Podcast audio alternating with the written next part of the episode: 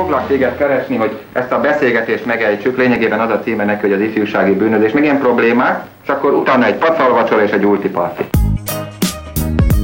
Annó Budapest, az ismeretlen főváros és Punksnodded Miklós.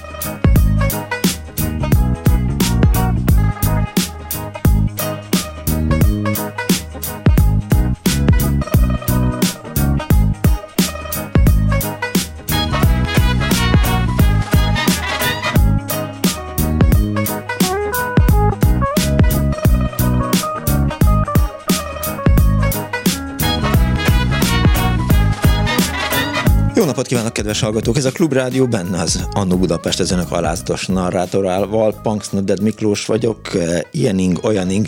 Természetesen ez nem fog ma szóba kerülni a műsorban, tehát nem arról szól a műsor, hogy a műsorvezető már megint milyen pólót vett fel, hanem az, és erre vagyok kíváncsi, hogy önöknek milyen emlékeik vannak az edzőikről. A műsorra készülve én megpróbáltam összeszedni, igazából kellemesek. Tehát ha megnézem, hogy úszó, amikor úszó voltam, tehát könnyű buvár lettem, akkor eh, Nyíri Laci bácsi volt az edzőm, ő tanított meg gyakorlatilag úszni, és, eh, és így nagyon bírtam. És aztán amikor minden reggel 6 órakor ott voltam a Szentesi sportuszodában, és beugrottam, és aztán mit tudom én, úsztam 1000 vagy 2000 vagy 3000 hosszat, 3000 kilométert, vagy nem tudom hány hosszat, akkor azt így bírtam, tehát sosem zavart az, hogy, hogy ezt tolni kellett volna. Aztán amikor a kajakkal próbálkoztam, akkor, akkor volt időnként egy kis averzióm az edzőnkkel kapcsolatban, leginkább akkor, oké rendben, hogy Szentes Csongrádi hídig el kell szaladni meg vissza, oké rendben ez a sport része, de hogy az edzőnk például, amúgy teljesen értető módon, miközben mi a jéghideg vízbe kajakoztunk, meg kenusztunk, Szőke Andris is ott evezett akkoriban, ő kenus volt, akkor, akkor mindig motorcsónakkal mellett, jött mellettünk, ami érthető, tehát egyrészt úgy tudja kontrollálni, hogy a sportolók hogyan eveznek, megfelelő szögben tartják-e a az evezőt, vagy kellőképpen kinyújtott karral eveznek -e, tehát, de ez is csak ennyi volt. És aztán, amikor kendóztam, hát akkor én meg imádtam az edzémet, a szenszelyeket, mert, mert, mert hát a kendó az egy olyan dolog, ami, ami nem csak arról szól, hogy sport, hanem tisztelet, meg, meg ilyesmi. Szóval a mai annó kérdései, hogy önök mit tanultak a trénereiktől a sporton kívül, nevelték önöket az életre, szigorúak és kemények, olykor kegyetlenek voltak, vagy inkább igazságosak, és nem erőszakosan igyekeztek elérni, hogy a sportolók legjobban teljesítsenek. Csaptak oda papucsal, vagy nem. Erről szól a műsor. 24 06 95 3, 24 07 95 3, SMS-ben 06 30 30 30 95 3, és így első megszólalóként egyébként természetesen elnézést kérünk azért a terheléses támadásért, amit tegnap érte a klubrádiót. Nagyon sokan megtaláltak engem is, mert a klubrádiót is tele van az SMS fal azzal, hogy miért nem szól a klubrádió, és igazából nem jól kommunikáltuk ezt, ezért elnézést kérünk. Szóval folytatódik a műsor. Van a túlsó végén már itt van velünk Török Ferenc, kétszeres olimpiai bajnok, öttusádzó edző, sportvezető. 1989-ben az évedzője volt. Üdvözlöm, jó napot kívánok, Török úr! Jó napot, és üdvözlöm a, a klubrádió hallgatóit is. Nagyon nagy örömmel jöttem egy pár mondatra. Annyira jó. Azon gondolkodtam, hogy, hogy én újszülöttként csodálkoztam erre, ahogy elolvastam az önnel készült beszélgetésre készülve, hogy, hogy ön hogyan lett sportoló, Ugye emlékszem, hogy egy október 6-ai ünnepségről pattant meg, és aztán utána ment a testnevelő tanár. Nem tudom, hogy sokszor elmesélte ezt, de biztos, hogy vannak a klubrádióban olyan hallgatók, akik nem ismerik ezt a történetet, hogy hogyan lett önből sportoló. Ide, ide, igyekszem nagyon rövidre fogni. A lényeg az, hogy az Árpád gimnáziumnak voltam harma, harmadik osztályának a tanulója gimnáziumban, és, és egy, egy október 6-a ünnepség volt az iskolában, ahol bezárták a főkaput, és hát részt kellett tanulóknak lenni, én nekem meg nem volt kedvem, úgyhogy én lementem az alaksorba, és az alaksori ablakon kimásztam, és meg akartam szökni az iskolából, és hát egy csillaghegyről járok, járta, mhm. jártam be, és hát az ablakon kimászva elindultam az udvaron keresztül, de rám fütyült az iskolák a testnevelő tanára, Iglói Mihály, aki egyébként a Bölvölgyi Pistának és az Iharoséknak volt a, az edzőjük, Aha. és a gimnáziumban tanított, de engem nem tanított, mert én a másik osztályban voltam, én ás voltam, és én láttam, hogy kimászik egy diák, ráfütyült, hogy fiam, gyere vissza, hogy gondolod ezt. és hát én nekem ezt a vágába sőt, visszamenni keresztül futottam az udvaron, és a kerítésen volt egy luk, ahol ha kirúgtuk a labdát, akkor ott ki lehetett a labdáért menni, azon én kibújtam, és egyszer csak láttam, hogy Igdói Mihály, talán úr, jön, jön és, és, és jön utánam, és ő is, ő is fut. Hát mondom, na jó van, akkor fussunk egyet.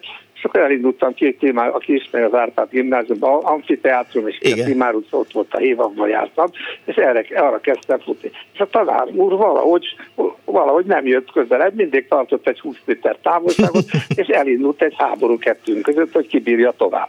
Én nem tudtam akkor, hogy a, a, a tanár úr akkor még uh, szenyor mezei futóverseny indult, hát és gondoltam, hogy az öreg nem, nem fog engem megfogni, de nekem iskolatáskám is volt a hónom alatt, és mentünk ki a Timár utcához, a héthez.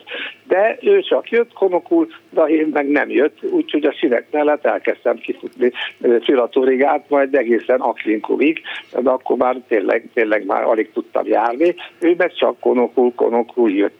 És akkor kiértem Aklinkóba, ott a, a, az ilyen római sírokonnak leültem az egyikre, mert teljesen elkészítettem, elkészültem az erőmmel, oda jött hozzám, és azt mondta, hogy hívnak fiam, melyik osztályba jársz, és, és hozzátette egy mondat, hogy fiam, te jól futsz.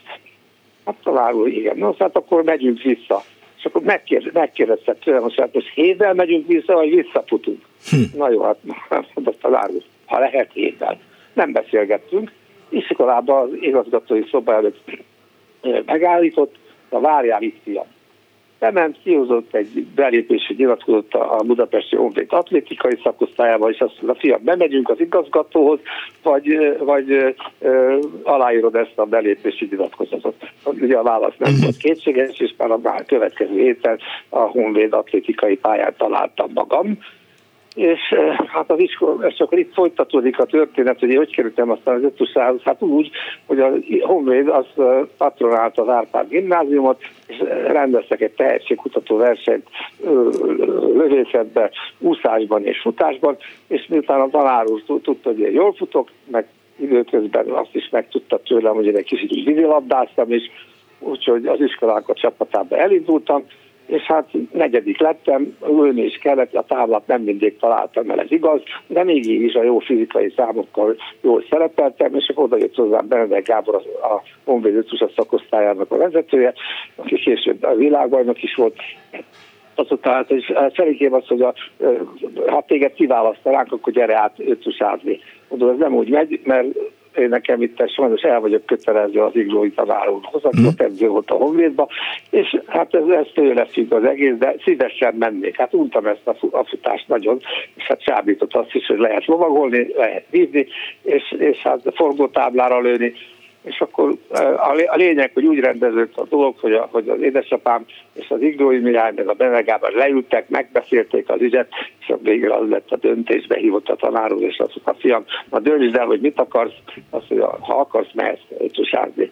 Hát akkor én ezt választottam, és akkor innen kezdve azért egész más lett az életem. Ha nem szakik meg az október 6-ai ünnepségről, akkor, akkor nem lett volna sportoló önből? Valószínűleg nem lettem volna. Igen, valószínűleg nem lettem volna ötösázó. Hát, lehet, hogy akkor szóltak volna, hogy, a, hogy, hogy van egy tehetségkutató verseny, de nem, nem, nem foglalkoztatott ez, a, ez az ügy igazán ezek kiszállíthatatlan dolgok voltak. A sportból egyenes út vezet, vezet az edzőséghez?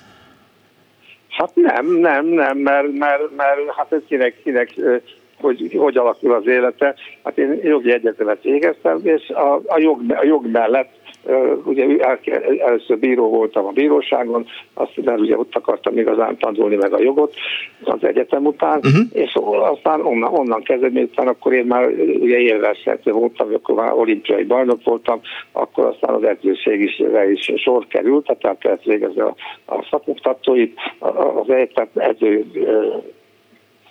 papír diplomát kellett szereznem, és az ügyvédség mellett, hát tulajdonképpen én szövetségi kapitány voltam, de Igen. miután központi felkészülés volt, az egész válogatottak a felkészülését én vezettem. Önnek milyen? Nagyon szerettem ezt, és, és, és, és, és nagyon, nagyon, nagyon, nagyon úgy gondolom, hogy nagyon jól is csináltam. Ön hogy emlékszik vissza az edzőire? Az én edzőimre, vagy pedig azok az edzők, akik együtt dolgoztak. Az, az ön edzőire. Szóval viccelek, viccelek ja, természetesen a saját edzőitről beszélek. Fantasztikus emberek voltak, nagyon sokat lehetett tanulni tőlük. Nem, nem, nem, nem, nem csak a, a teruza fogott vastagon, amikor az edző tervet elkészítette, hanem gondol, gondol, gondolkozott, megbeszélte a dolgokat velem, és hát sokszor olyan, olyan olyan dolgokat kaptam tőlük, amit aztán edző megtanultam, hogy nem minden áron kell keresztül vinni az, az akaratot, hanem ezt diplomatikusan meg lehet oldani, és fel kell készíteni a versenyzőt, és a versenyzőtek akkor teszek a legjobbat, hogyha megkövetelem tőle a munkát, mert a, a versenyző az, az nagyon könnyen megalkuszik magával, és az, edző, és az edzésekből mindig egy picit lecsít. Hát én úgy gondolom, hogy kicsit lecsal, lecsal.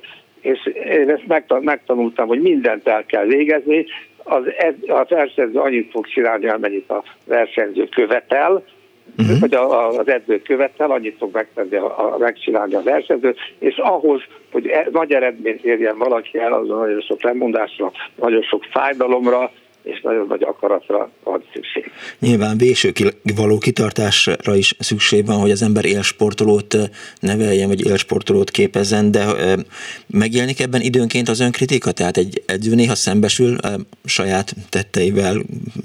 Hát az, ter, az, ter, az természetes, de én mindig, én általában azt mondták, hogy én egy nagyon jó versenyző típus voltam, uh-huh. ami, ami, az, ami azt jelentette, hogy én mindent elvégeztem, amit nekem mondtak, pláne, amiben megegyeztünk. Én egy métert nem csaltam el az úszóedzésből, a futóedzésből is inkább többet csináltam, vívásból is, mindenből, ugye. Ráadásul nekem öt számba kellett edzeni, ami azért nem jelentett monotómiát, és, és akkor mindig arra gondoltam, hogy hát most akkor itt van ez az egyik versenyszám, ezt most megcsinálom, tudtam, hogy az edzés naplomban nincs üres lap ezzel kapcsolatban, mindent elvégeztem. A többi a versenybíró dolga, hogy számolják össze, hogy hány pontot ére, ér, érek el benne. És ez a, ez a tudat, és az, hogy, hogy olyan munkavégzés volt, volt mögöttem, amin én úgy éreztem, hogy én többet nem tudtam volna tenni, és engem ez, ez, ez nagyon meg, megnyugtatott. És az edzők is szerettek velem, velem dolgozni, azért, mert tudták azt, hogy, hogy, hogy hátat fordíthattak nekem, és akkor is meg fogom a, a, a feladatot csinálni. Most már öregkoromban már nem egész így van, mert azért most is edzek még, azt hozzáteszem, de azért mindig ugye szoktam úszni, úszni úszóedzést tartani, és hát akkor egy pár, egy, az e- tervhez képest egy-két hozt ugye megspórolom, de, de ez amikor versenyeztem, ez nem úgy volt. És azt mondani a fiataloknak is, hogy, hogy szeressék és csinálják azt, amit akarnak, a szívvel, lélekkel, és tegyék oda, oda magukat. Nem, nem elfáradni kell, hanem a fájdalom küszöböt kell átlépni, mert általában ezekben a sportákban azt, tudja, azt tud nagy eredményt elérni, aki a fájdalom küszöböt ezt, ezt tud tudja lépni. Nem. És hagyd mondjak valamit. Mondjon, persze. Hagyd belém a szót, hogyha kicsit... Majd én, be, majd én szólok, amikor folytok, jó? Vagy majd folytok, amikor szólok. jó, jó. A, a lényeg az, hogy egy pár évvel ezelőtt csináltak velem egy, egy, egy ilyen egy mély interjút, uh-huh. és akkor hát mindenről beszéltünk ugyanígy, és azt kérdezte tőlem az újságíró, hogy mi legyen ennek az újságcikknek a címe. És akkor én gondolkoztam, és azt mondom, a fájdalom az én barátom. Akkor nézett rám, hogy ezt, ezt, ezt miért, miért mondom. Hát tudom azért, mert, mert, mert amikor, amikor versenyeztem, naponta háromszor négyszer túl kellett lépni a fájdalom küszöböt, és, és hogy elvégezem, és, és nyugodtan tudjak versenyezni. Hát ez érdekes, és ezt értem. És most? Hát most meg öreg, öreg, öregkoromban az egészségemért csinálom ugyanazt, és ezt mondom, nem csak a fiataloknak, a versenyzőknek, hanem az idősebbeknek is, hogy igen, igen, is dolgozni kell ezért a, a, a, a sikerekért. Ilyeneket is lehet mondani, hogy a fájdalom nem fáj, meg hogy a, a futó az fusson, ne, ne sétáljon. sok mindent lehet mondani, de szóval tényleg nekem olyan edzőim voltak, akik nagyon sokat lehetett tanulni, együtt gondolkoztunk mindig. El, el, elmond, elmondok egy, egy nagyon, nagyon kis rövid, rövid történetet, csak hogy, hogy milyen edzőim voltak nekem.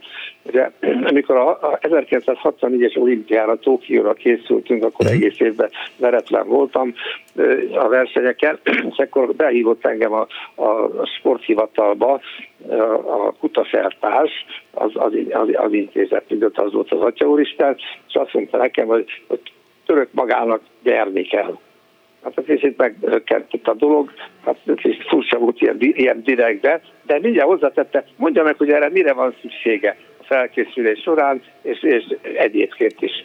Nem mondtam, hogy gondolkoztam, mondom, én azt szeretném, hogyha az én vívómesteremet kihoznák a, az olimpiára, és aztán miért ügyes? Hát mondom azért, mert négyen megyünk a versenyre, a magyar csapat, és az volt a szokás, hogy amelyik, tehát amelyik mesternek a legtöbb tanítványa volt a, a négy közül, azt uh-huh. vitték ki, hát nem, nem, négy zsírómestert nem vittek Igen.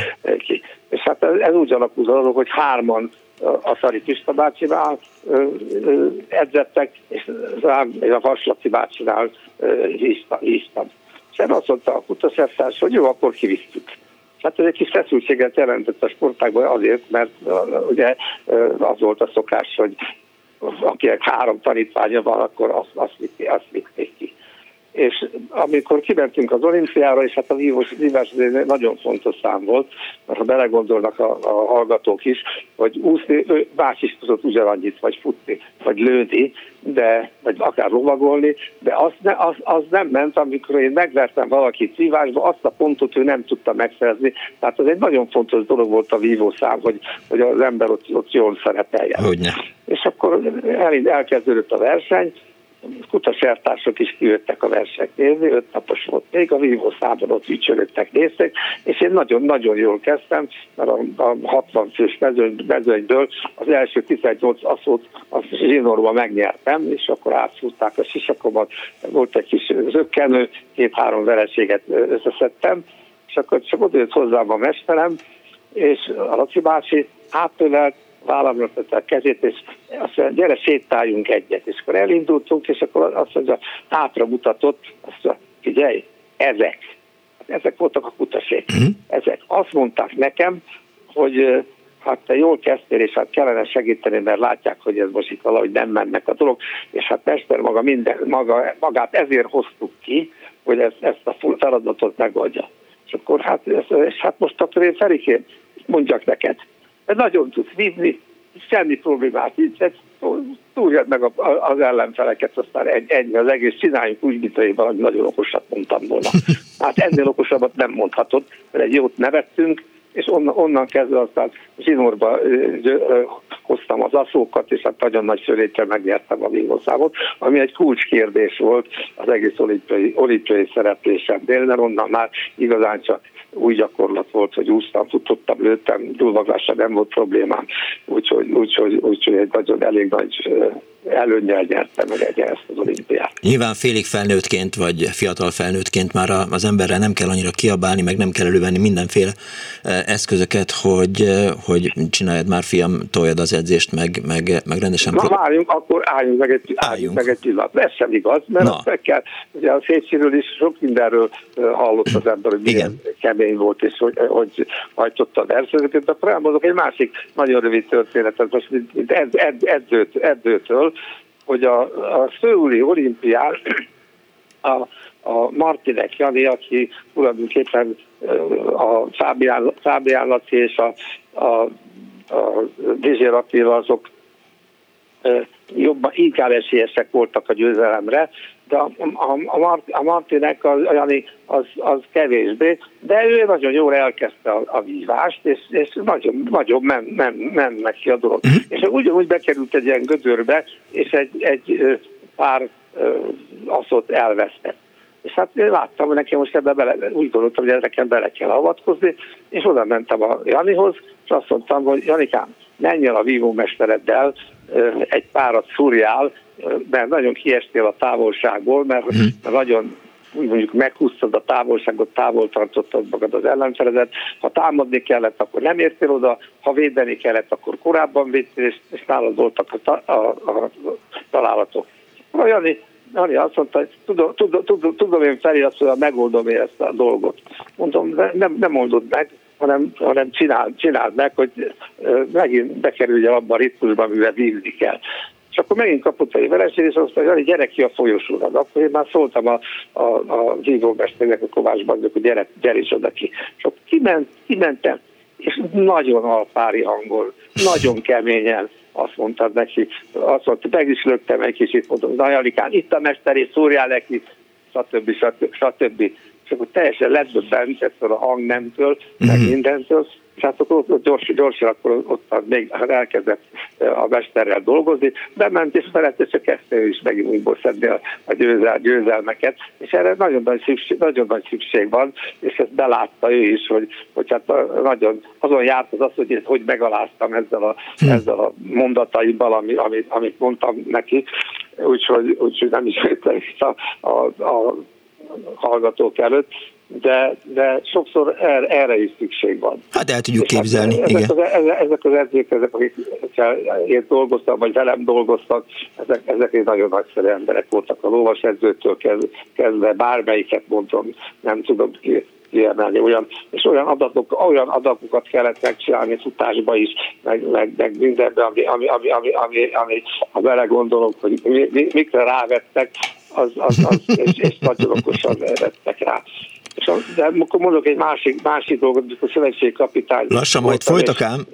kemény munkájuk volt a gyerekekkel, vagy, vagy kiszabtuk, akkor dolgozott pszichológus is a csapattal. Igen. De annak az volt a dolga, hogy, hogy mindig az aktuális állapotukról beszélgessen a versenyzőkkel, és hogy három napon nagyon erős edzés lesz, pihenjetek föl rá, mert a Feri mondta, hogy uh-huh. mi, mi lesz, üzentem nekik, visszaüzentek rajta keresztül készültek, és ez, ez, ez nagyon kellett, edző, edző nélkül nem, nem mennek a dolgok. Egy hallgató azt írta be SMS-ben e, itt az Annu Budapest Facebook oldalára, hogy az edzőségre születni kell, hiába van az embernek mindenféle papírja róla, az kevés lesz hozzá. Teljes, teljes, teljesen igaza van, meg, meg kell ezt érteni, és akkor akkor ja, most mond, beszéltek egy kicsit a futballról is. Egy kicsit, jó? csak nagyon, nagyon kicsit a, a, a lényeg, lényeg a dolognak az, hogy, hogy az utánpótlás nevelésnél sokkal keményen munkát kell, én ebben most foglalkoztak és foglalkozom is, uh-huh. hogy sokkal, nagyon, nagyon kevés az intenzív munka, ha valaki figyeli a futballt és figyeli a, a, a nyilatkozatokat, akkor ugye azt mondják, hogy a magyar fiataloknak a képességfejlesztés az, az ugye 12 és 19 éves kor, kor elmarad, mert nem követelnek tőlük, elfáradnak az edzésen, de nem teszik oda magukat, ugyanakkor külföldön pedig a foggal, körömmel hajtanak az, a, a versenyzők, a, a játékosok az edzéseken, a csapatba kerülését, itt meg csak elfáradnak, ott pedig küzdenek azért, és ez egy óriási különbség és, és ez, ez az egyik nagy betegsége a magyar futballnak, hogy, hogy itt, itt, itt igazán nincs követelmény támasztva, uh-huh. mérhetően pedig ez a képességfejlesztés ez, ez, ez fejleszthető. Na itt ezt most be is fejezem, mert, az, mert ebben már el, el, el, el, eltértünk a témától. Az biztos, török úr, hogy, hogy az, ki, az kiderül a beszélgetésünkből, hogy 87 évesen ilyen frisses, frissen, frissesség az nyilván a sportnak volt köszönhető. Nagyon szépen köszönöm, hogy rendelkezésünkre állt, és további jó egészséget, meg minden jót kívánok. Nagyon, nagyon szépen köszönöm. Még egy, né, egy néhány jó év rám, rám férne is nagyon szeretném. Viszont hallásra! Én is köszönöm szépen. 24 06 95 3, 24 07 95 3, ha az Annó Budapest nem egy betelefonálás műsor lenne, akkor Török Ferenccel eh, kétszeres olimpiai bajnok öttusázóval, edzővel, sportvezetővel, eh, akkor aztán politikussal nyilván tudtam volna még eh, beszélgetni egy kicsit, de 24 06 95 3, a 24 07 95 3, SMS-ben 06 30 30 30 95 3, a Viberen is működik ez az elérhetőség, jöjjenek a hallgatók. Jó napot kívánok! Halló, én vagyok? Igen. Szervusz, Hirtes András. Szervusz András. Megint. Hát így nehéz a török úr után megszólalni, de én nagyon tisztelem őt, és néztem az összes világbajnokságát annó, és abban teljesen igaza van, hogy a fájdalom leküzdése a legkeményebb dolog. Ezt a saját bőrömön is megtapasztaltam, mert az apám kitalálta, hogy én nekem úsznom kell, uh-huh.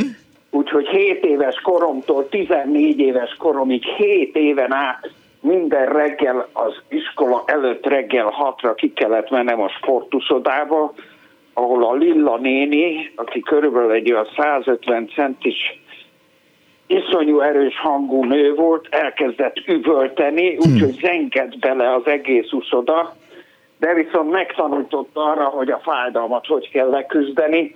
Adott egy deszkát, és azt mondta, ezt most a kezed alá teszed, és lábtempózol egy host. Uh-huh. Ha a nagymedencében voltunk, akkor egy sávot nekünk meghagytak az 50 méteresbe. Hát örültem, hogy a lábtempóval az 50 métert meg tudom tenni. Azt mondta, semmi gond, akkor most a lábad alá teszed ezt a deszkát, és mell úszásban kéztempózol egy host.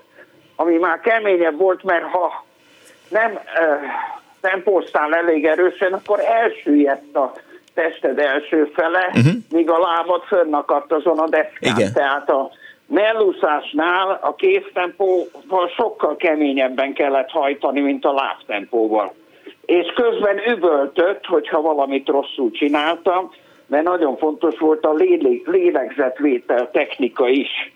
Tehát amikor ez a kéztempó és lábtempó lement egy-egy hozba, akkor a deszkát visszakérte, és akkor úgy simán, mint mellúszó, megtehettem egy hozt.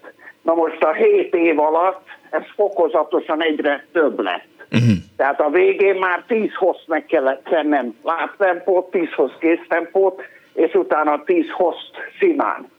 De most képzeld el, hogy 7 évesen az ember oda kerül, és úgy üvöltenek vele, hogy úgy még soha se az apukája, se az anyukája, senki nem uh-huh. üvöltött vele, Hát azt hittem, hogy összetoljon magam.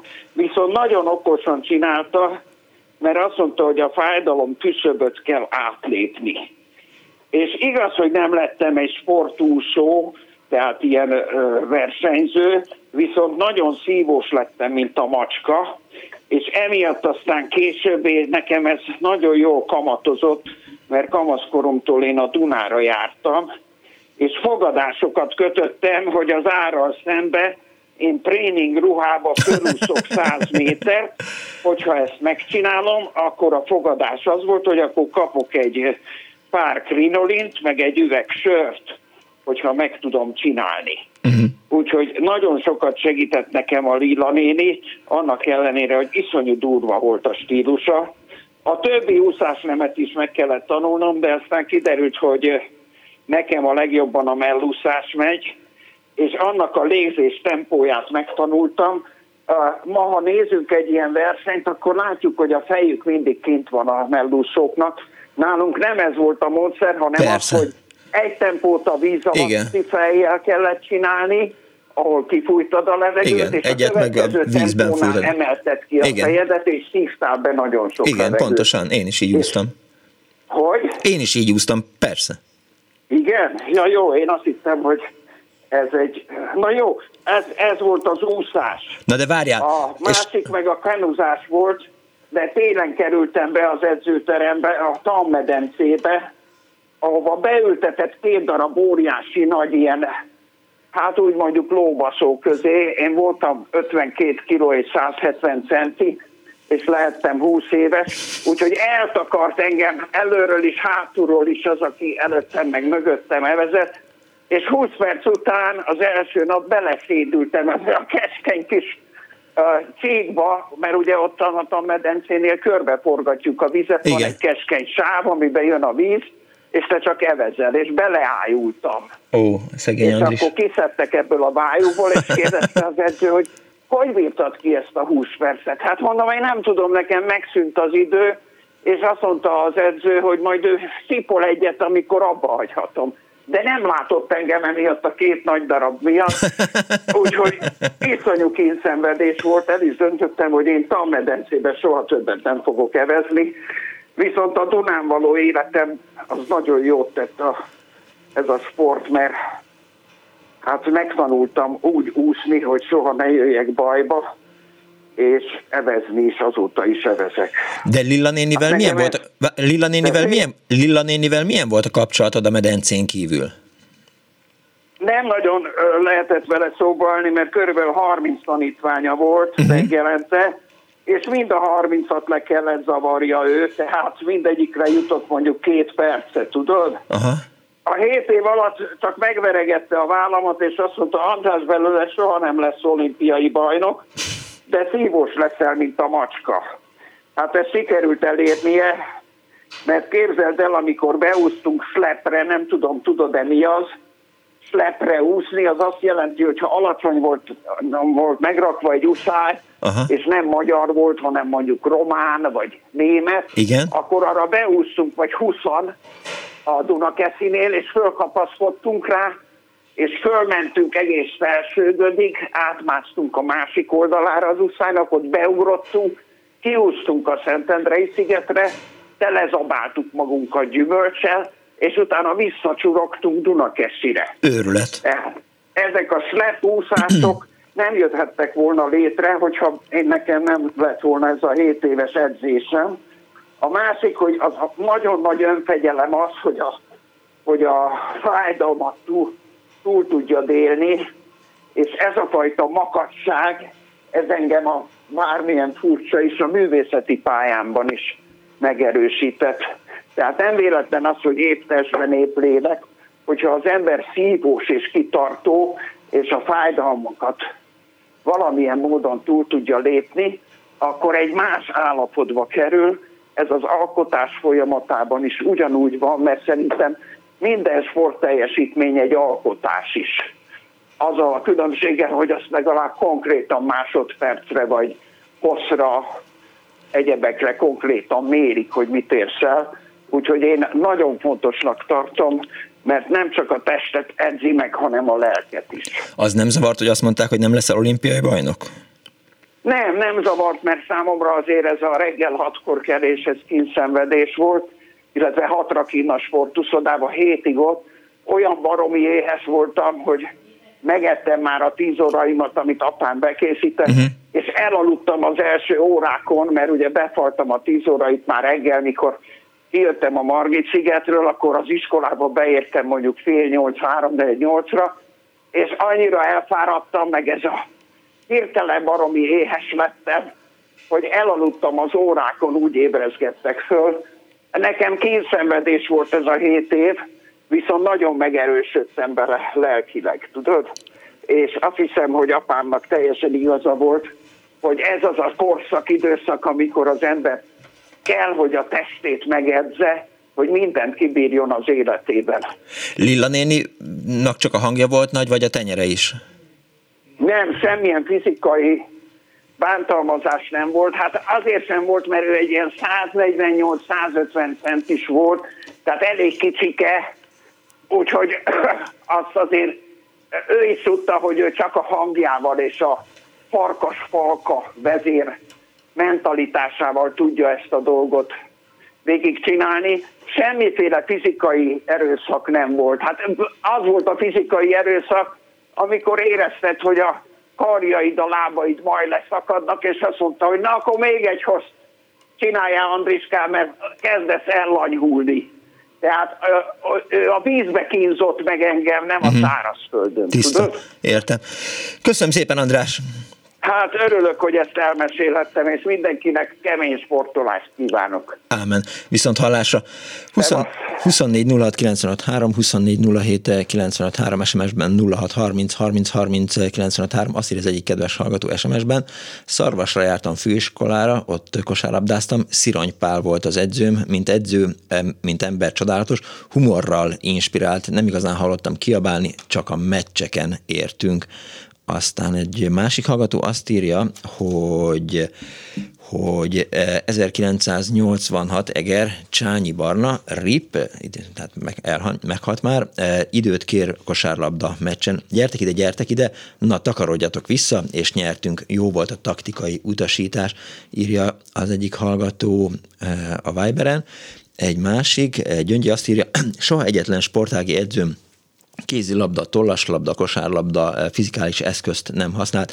Emberi hatásuk olyan nagy volt, hogy magam is testnevelő és edző lettem, edző is lettem. 30 évig foglalkoztam hallgatókkal, és remélem ezt a szemletet sikerült továbbadnom. Igaz, ma alig 8-10 százalékuk maradt a pályán, és azt is írja még az egyik hallgató, ezt már az Annó Budapest Facebook oldalára, hogy több hozzászólás is született ott, hogy azt írja, Szerencsés Gyuri. A legtöbb sport esetében a versenyeket, mérkőzéseket szokták élvezni, az edzést kevésbé. Én bizonyára ellenpélda voltam, nem is értettem. Az asztali tenisz edzőm, Várkonyi László, hogy miért imádok edzésekre járni, miközben a versenyekre úgy kellett noszogatni engemet. Mindezt a Postás Sportegyesület asztali tenisz szakosztályában történt a 60-as évek vége felé, amikor Klampár Tibor hazánk büszkeségeként éppen ebből az egyesületből indulva aratta a legnagyobb sikereit, például jó nyerrel párosban eh, Nagoya bajnoka lett. Azóta is jobban izgat, hogy eh, eljussak ahhoz a bizonyos fájdalomküszöbökön és edzéseken, mint hogy bosszantsam magamat egy mérkőzés kudarca miatt. Egyet értek veled, kedves Gyuri, képzeld el, tehát én például nagyon ritkán járok versenyekre, mert azt gondolom, hogy jó, évente egyszer-kétszer így, így rászállom magamat, hogy, hogy elmenjek valahová, de, de igazából saját magammal versenyzek, tehát nem, nem különösebben vonzanak a, a úgynevezett hivatalos sporteredmények. Persze ott vagyok a DUV-n, a az útrafutó adatbázisban néhány versennyel, de, de nem tartom különösebben fontosnak azt, inkább az, hogy, hogy menjek, aztán toljam. Azt írja Judit, Bósz Judit, hogy hangozzon el a neve. 1967-től 1974-ig jártam úszni a Honvédba, az edzőnk, Evetovics Iván volt, mi mesternek hívtuk, alacsony mokányember volt, bajai. Szigorú volt velünk, ehhez csak annyit, hogy egyszer véletlenül 13 fokos csapvízzel töltötték fel a medencét, de az, edzést, de az edzés akkor sem maradhatott el. Na, annyi kedvezmény azért volt, hogy keresztben úszhattunk, nem hosszában. Jó ember volt, nagyon szerettük, írta Judit, és egy hallgató van a vonal túlsó végén. Jó napot kívánok! Jó napot kívánok, Rákesi Margit vagyok. Kész csó! Valószínű, nagy felháborodást fogok kelteni. Nem hinném. Szerintem az élsport egy magamutolgató, értelmetlen kivagyiság. Hát, tudja, igen, tehát mondjuk azt, hogy nem igazán értek egyet önnel, vannak bizonyos dolgok, ami, de ez most hogy került ide? Én? Nem, nem, nem, hogy ez miért tartotta fontosnak elmondani? Mert én sokkal fontosabbnak tartanám azt, Igen? hogy mondjuk Magyarország minden polgára tudjon úszni. Ne feltétlenül a leggyorsabban, uh-huh. csak mondjuk ki tudjon vergődni a Duna közepéről, ha vele esik. Úgyhogy, és nem az a fontos, hogy mit tudom én, valaki a legmesszebb hajítsa a gerejt, hanem hogy mondjuk egy vidéki iskolában legyen tornaterem, ahol a gyerekek nem egymás szemét verik ki a magasukról létre, mondjuk, hogyha rudugrásról van szó. Ezzel természetesen egyetértek, csak azt gondolom, hogy, hogy semmi baj nincs a, a, az élsporttal. Sok ember számára ez, ez öröm, szórakozás, kikapcsolódás, azok, akik részt vesznek benne, azoknak érdem, izgalmas kihívás. Higgy el, hogy, hogy a, az útrafutásra is azt lehet mondani, hogy ez egy pöcsméregetés, és nyilván van is benne valami, de hogy attól ennek ellenére remek sportemberek vannak ott. Hát nem győzött meg, de valószínű nem is fogjuk egymást meggyőzni. Így a szép, hogy nem vagyunk egyformák, nem? Ön sportolt valamikor? Nem, nem sportoltam. Elég az alkatom sem volt gyerekkoromban se igazán rá alkalmas. Uh-huh.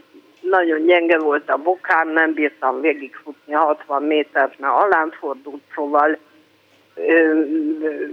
mindig ilyen kegyelemből kaptam meg a formából a jó jegyet, hogy, mert amúgy meg jó tanuló voltam. Úgyhogy nagyon elvették a kezdemet, még a mozgástól is. Az nagyon szomorú. Az... És ahogy én látom, mert bizony a fiamnak meg volt problémája, uh-huh. és bizony az iskolában nagyon elvették a kedvét a mozgástól egyáltalán. Hát az ő, ő fizikai állapotához megfelelő mozgástól.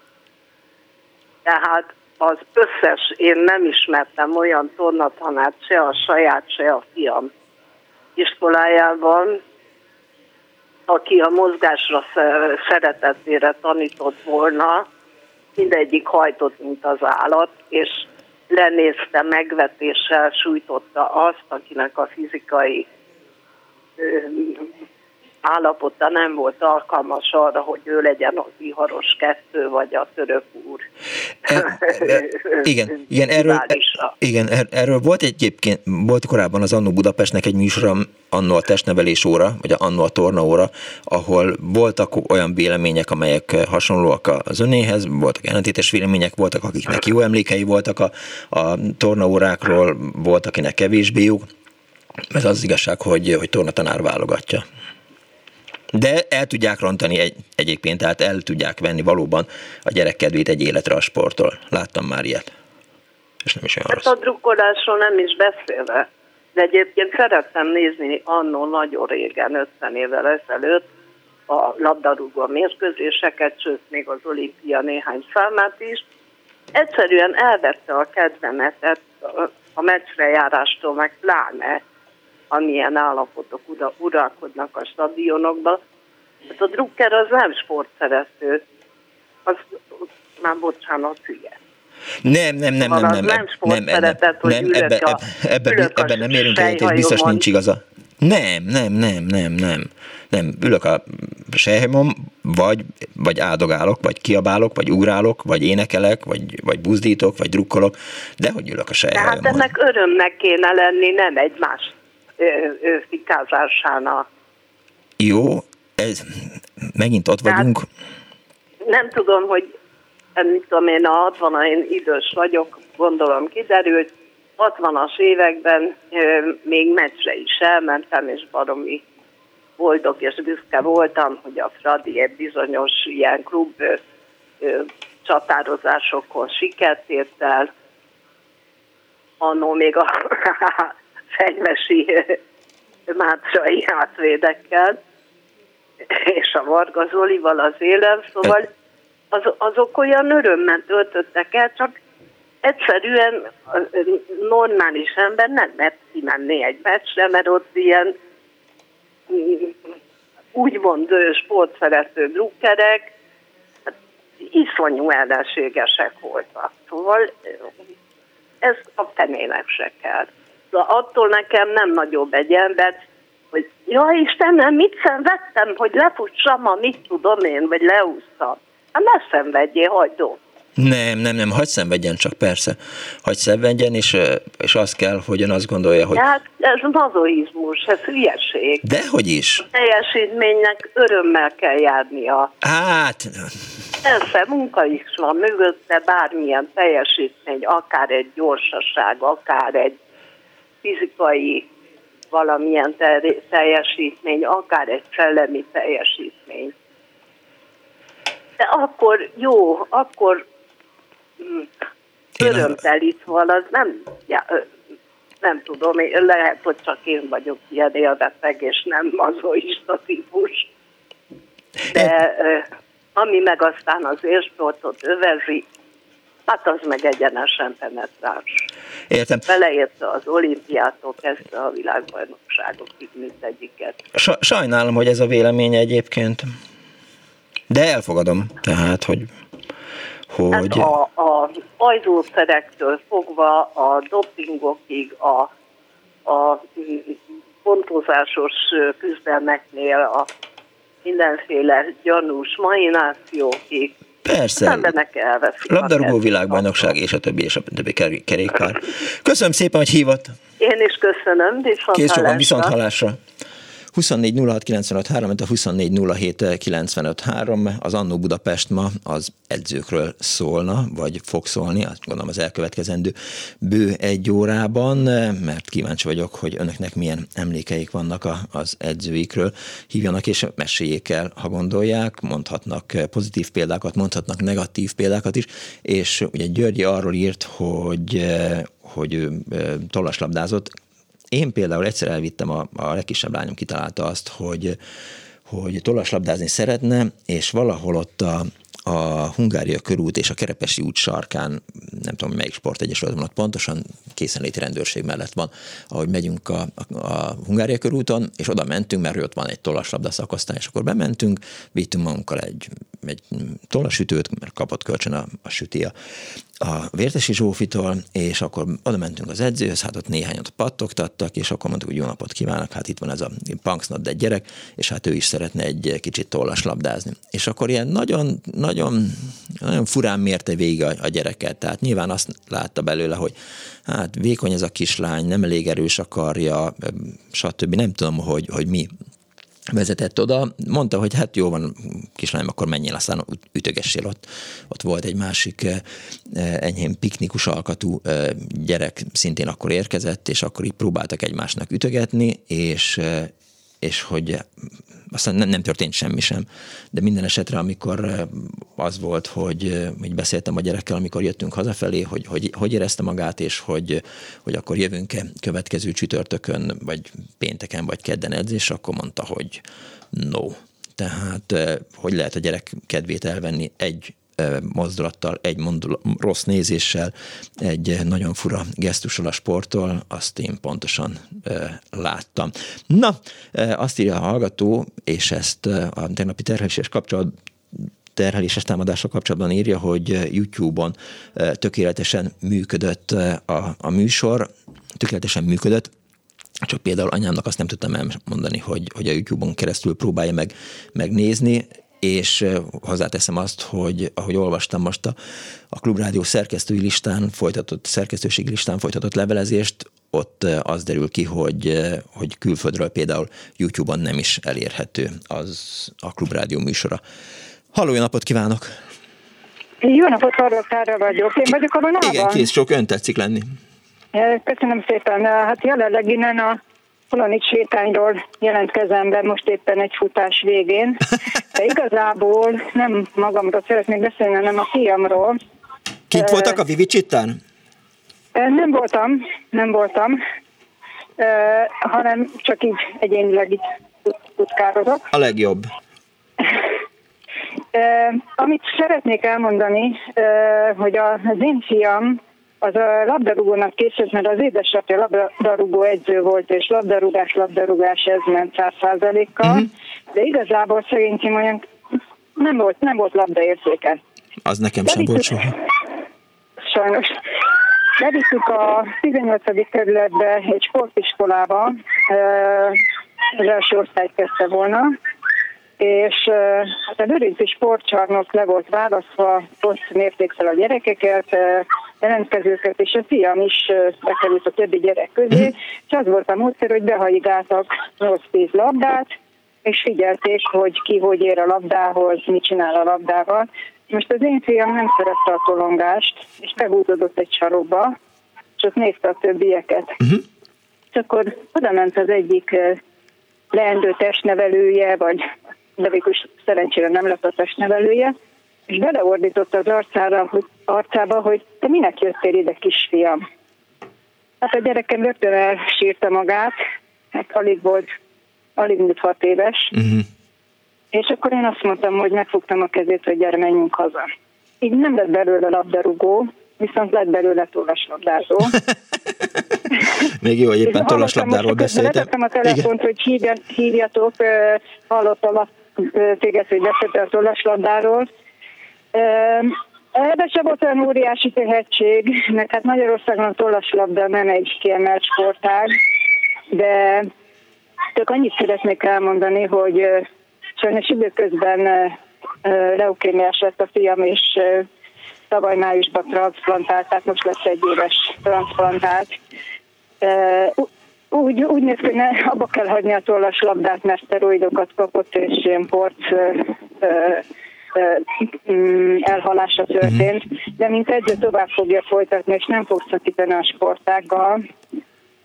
Mindezzel csak azt szerettem volna elmondani, hogy nagyon fontos, hogy megtaláljuk a, a gyereknek azt, ami neki való sporták, és semmiképp nem szabad erőltetni a szülők vágyálmait. De hogy a, a gyereknek az apukája, aki labdarúgó edző volt, az ön férje, ő gyerekkora... Nem, nem volt férjem, és, és ő már sajnos elhunyt. Uh-huh. De, hogy amikor... De, de, de hat éves kor előtt nem próbált játszani a, a gyerekkel? Nem próbált vele passzolgatni? De, de próbált, próbált, csak amikor valaki annyi, annyira, annyira meg akarja valósítani a gyerekkori álmait a gyerekben, nem, nem, nem tudtam lebeszélni róla, hogy, hogy nem alkalmas a gyerek rá. Igen. Tehát én is a, pontosan emlékszem, hogy, hogy mikor éreztem azt, hogy, hogy én és a labdarúgás és minden olyan sport, amit labdával játszanak, az, az távol áll tőlem, beállítottak a általános iskolába, a csapatba, hogy na akkor Miki támadjál, vagy védjél, vagy valami, és akkor emlékszem, hogy, hogy szaladtam a labda után, ráléptem, átestem rajta, és a, a, a labda bement a mi hálónkban.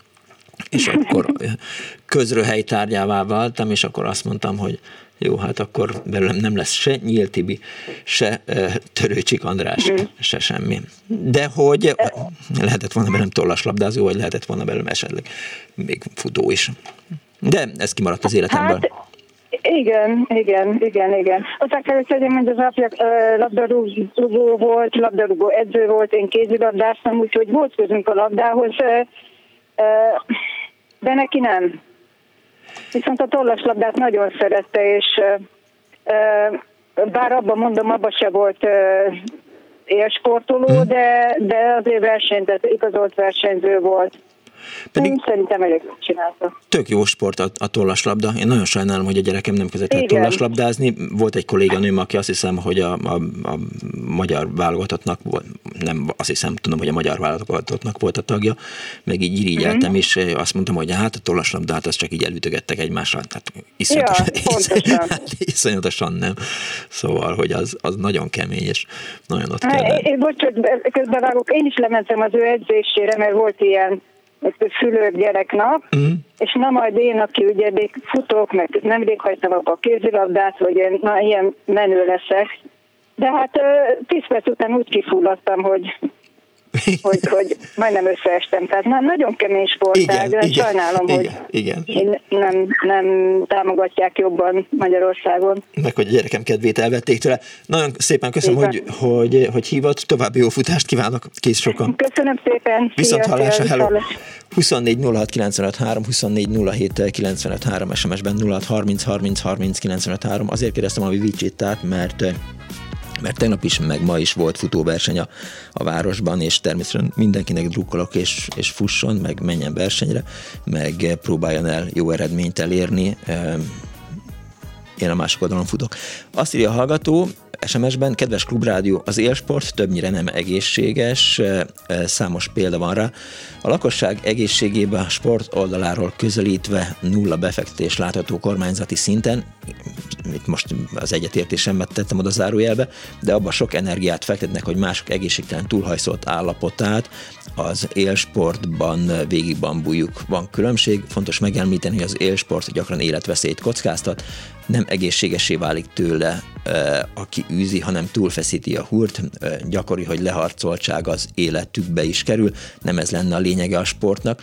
Nem ez lenne a lényege, de azok, akik így, így belevágnak, meg, meg belekezdenek, azok hát azt már nem vagy benne biztos, hogy pontosan tudják, hogy, hogy mi lesz ennek a vége, hiszen azért én is látok olyan példákat pont az ultrafutásból, hogy hogy hogyan ment tönkre embereknek a lába, gerince, meg mindene, mert hogy, hogy tönkre teszik. De hát ott van az öt tusa, tehát ugye Török Ferenccel beszélgettem a, a műsor első órájában, nagyon érdekes beszélgetés volt, és például Kálnoki kis Attila, akivel együtt dolgoztam egyszer egy szerkesztőségben, egy reggelenként, amikor kávéztunk ott a, a szerkesztőségi konyhában, akkor így beszélgettünk, és, és mondta, hogy hát neki nagyjából fél óra, amíg reggel, amikor föl kell az ágyból, hogy így összeráncsa magát, mert hogy az élsport egy kicsit leharcolta a testét.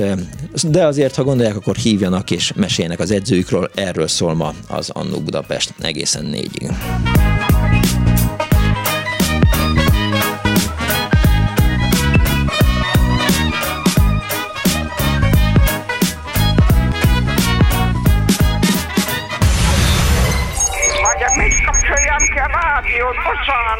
Igen, jaj, igen, igen. Elnézést. Jó napot kívánok. Mert ez a kis éppen olyan jó, és éppen azt teszi, amit kell. Annó Budapest, az ismeretlen főváros és Punksnodded Miklós.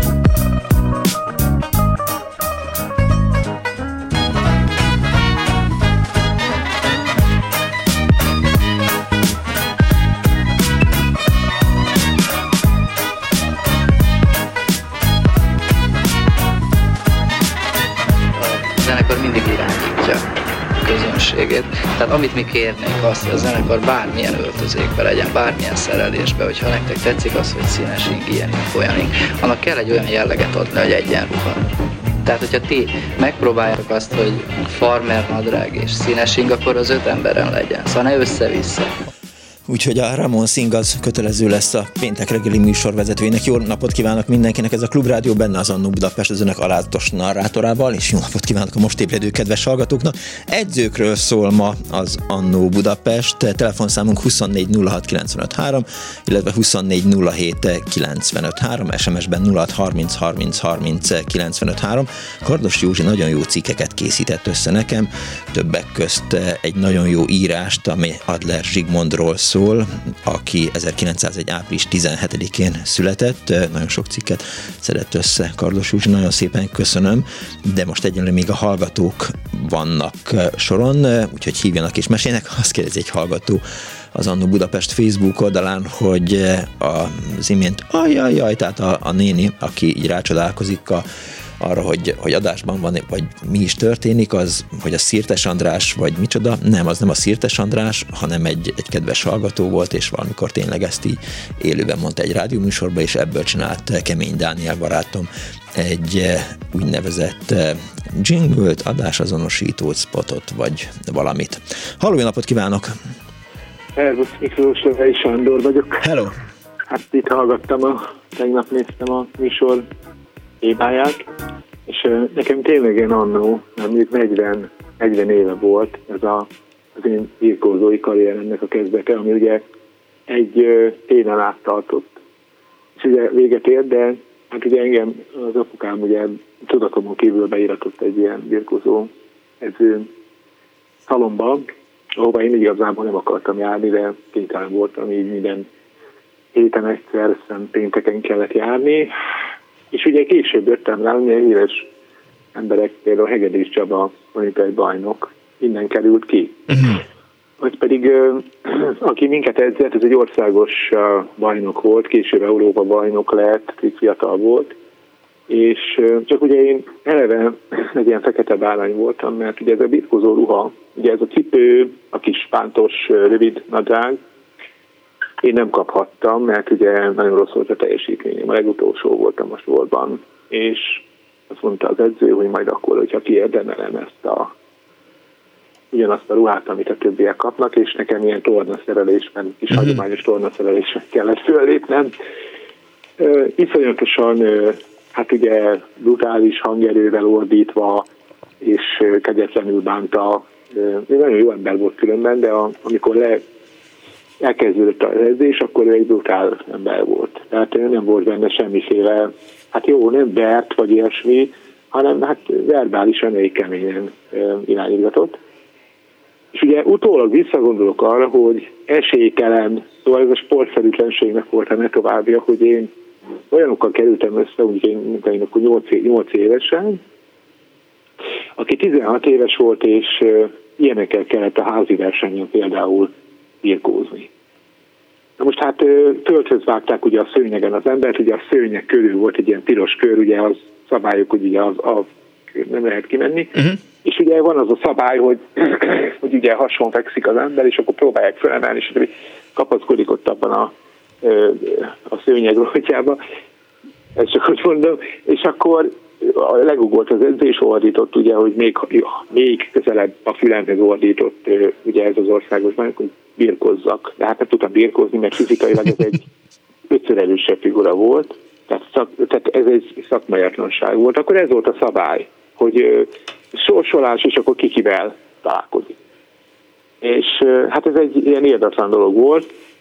Végül szimuláltam, betegséget szimuláltam például, hogy oda mentem, és akkor beteg vagyok, és akkor nem kellett mondjuk levetkőzni. De viszont nem tudtam elkerülni azt, hogy amikor megérkeztem a, a sportcsarnokba, akkor már ugye zengett az üres folyosó, ahol egyébként nagyon sok ilyen hírességnek voltak a fotói, kitüntetései, érme és többi, attól, hogy töltek zúztak és egymást püfölték bent ugye a gyerekek, hát akik aztán nálam jó idősebbek voltak, és egy ilyen halálfélelemmel mentem be az öltözőbe, hogy hát összevernek, mondjuk így, hát vagy kikapok, tehát hogy azért ez benne volt. Akkor már ők lendületben voltak, úgyhogy nem, nem kellett volna hozzá sok.